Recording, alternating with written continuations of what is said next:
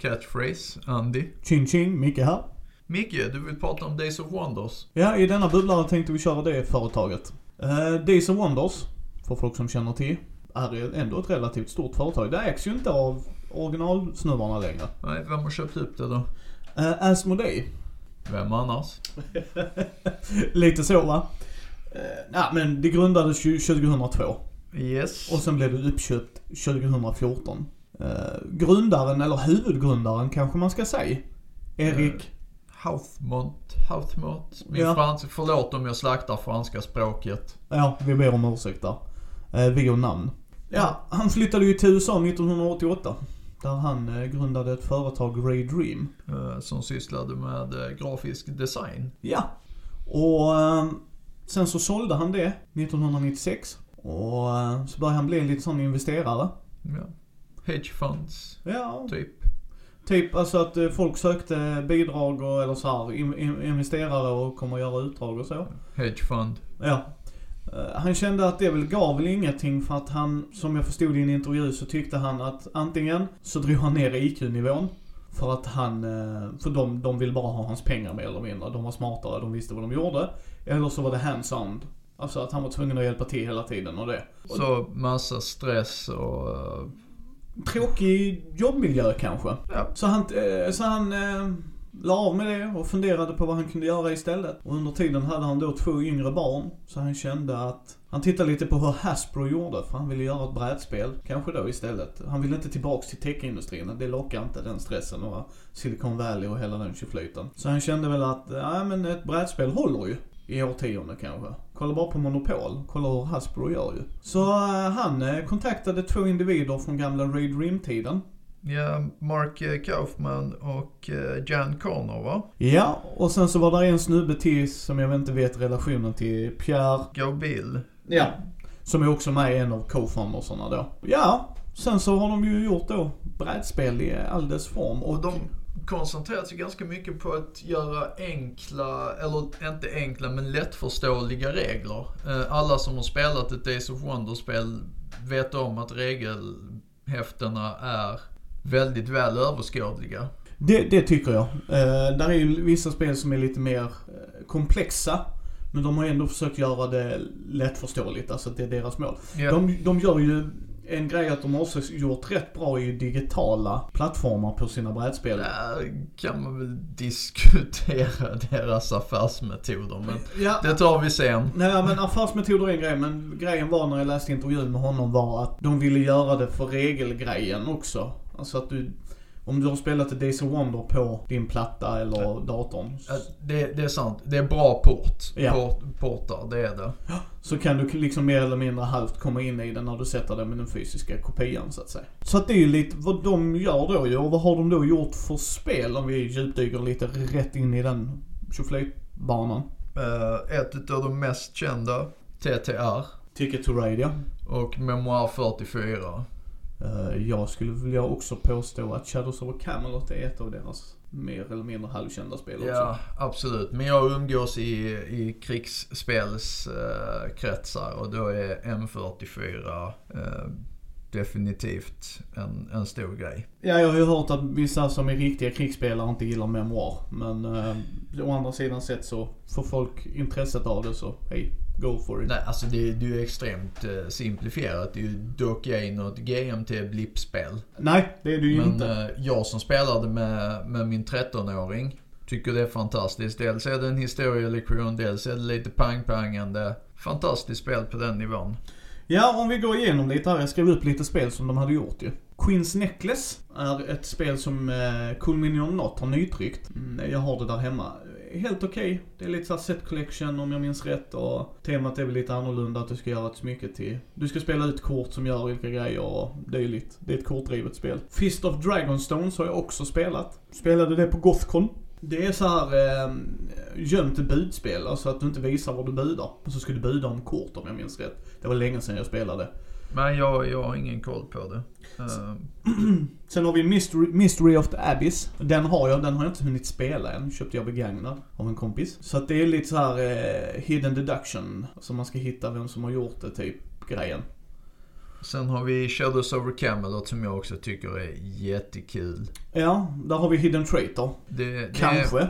Ja, kanske. Ja. Det, det är en väldigt intressant mekanik där. Ja, men, och det är ju, tänk, eh, alla spelar en riddare, om jag minns rätt nu. Ja, ja, vi, det, det är Riddaren. personas från uh, Arthur-sagan. Ja, så du spelar en riddare runt runda bordet och en av er kan vara en förrädare, man vet inte det. En eller två beroende på Ja. antalet spelare. Ab- absolut va. Och eh, den mekaniken tycker jag är rätt intressant för att du ska ju göra olika uppdrag eh, som man löser via set collection och kortspel. Precis, och om man misslyckas med tillräckligt många så förlorar spelet. Och här kommer ju Traitorn in. Han vill ju gärna sabotera uppdragen. Ja, men man kan också outa traitorn och så händer något specifikt då också. Jag om, man, om man outar fel så är det inte bra för då tjänar the bad guys poäng liksom.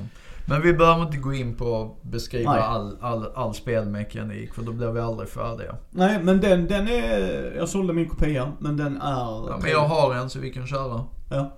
Ja men den är, den är trevlig, den gillar jag. Jag tyckte att den tillförde någonting till eh, den kategorin. Mm. Sen har vi Cleo, Cleopatra.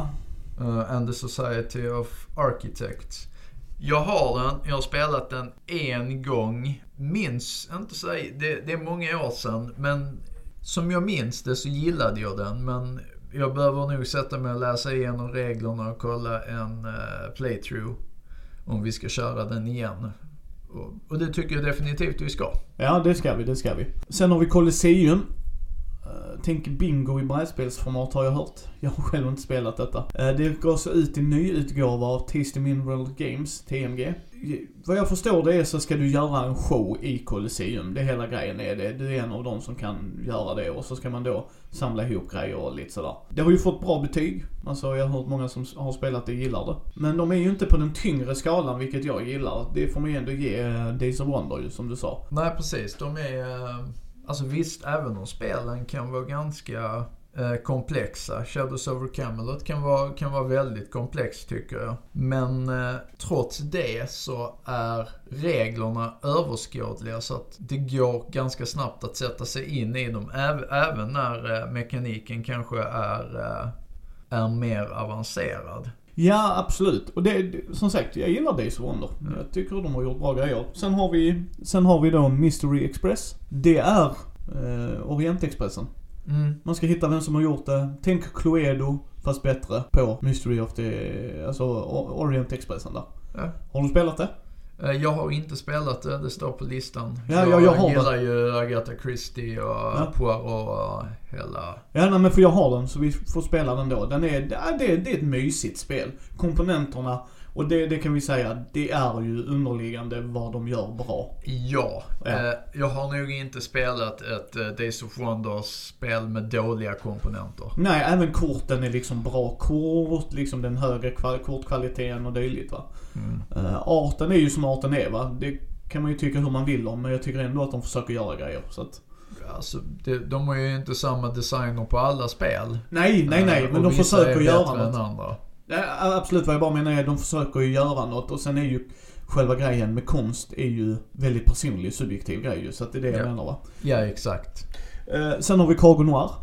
Jag sålde min kopia, har du spelat det? Nej, Det är att man är ett eh, kriminellt nätverk. I Fast- like it. Ja, fast det är inte ett så tungt tema egentligen. För du ska buda om eh, olika grejer så är det set collection. Så att du, du budar och de pengarna de hade där var riktiga plastpengar. Men inte dåliga plastpengar. De var riktigt mysiga. De höll bra i handen. Så skulle man då buda på, till exempel om jag ville ha en grej så skulle du få buda över. Så gick det runt så. Okej, så ett auktionsspel. Ja, ett auktionsspel precis. Med vä- väldigt annorlunda twist. Ångrar att jag sålde den faktiskt lite smått. Sen har vi Relic Runners. Den har vi här nere på Laughing Halfling som vi såg. Men den har jag inte spelat än så jag kan inte säga något om det. Så uh, shout-out till alla här på Laughing Halflings. Vi får köra en, uh, relic, eh, en relic runners kväll. Sen har vi ju Ticket to Ride och alla deras... Ja, vi har redan nämnt eh, Ja. Ticket to Ride känner jag. En sak som eh, jag tycker att vi ska lägga till där är att eh, 2004 så vann de Spiel des Jahres för Ticket to Ride eh, och var det yngsta bolaget som eh,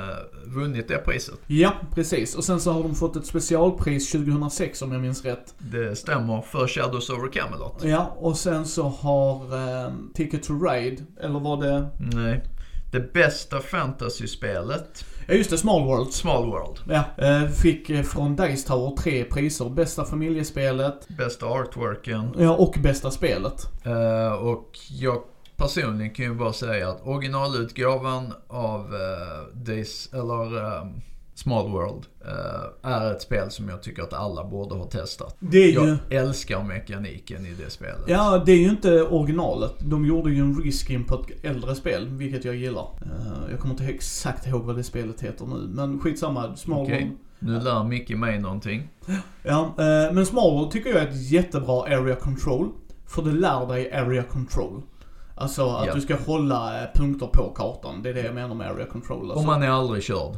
Nej, och det jag tycker är jätteintressant med Small World, det är att du har en ras, sen kan du deaktivera den för att aktivera en annan ras. Så att du kan liksom ändra strategi mitt i beroende på vad som kommer upp. Ja. Och raserna och deras specialkrafter är alltid slumpade. Mm. Så även om, även om rasen har sin effekt, absolut, den är ju alltid där.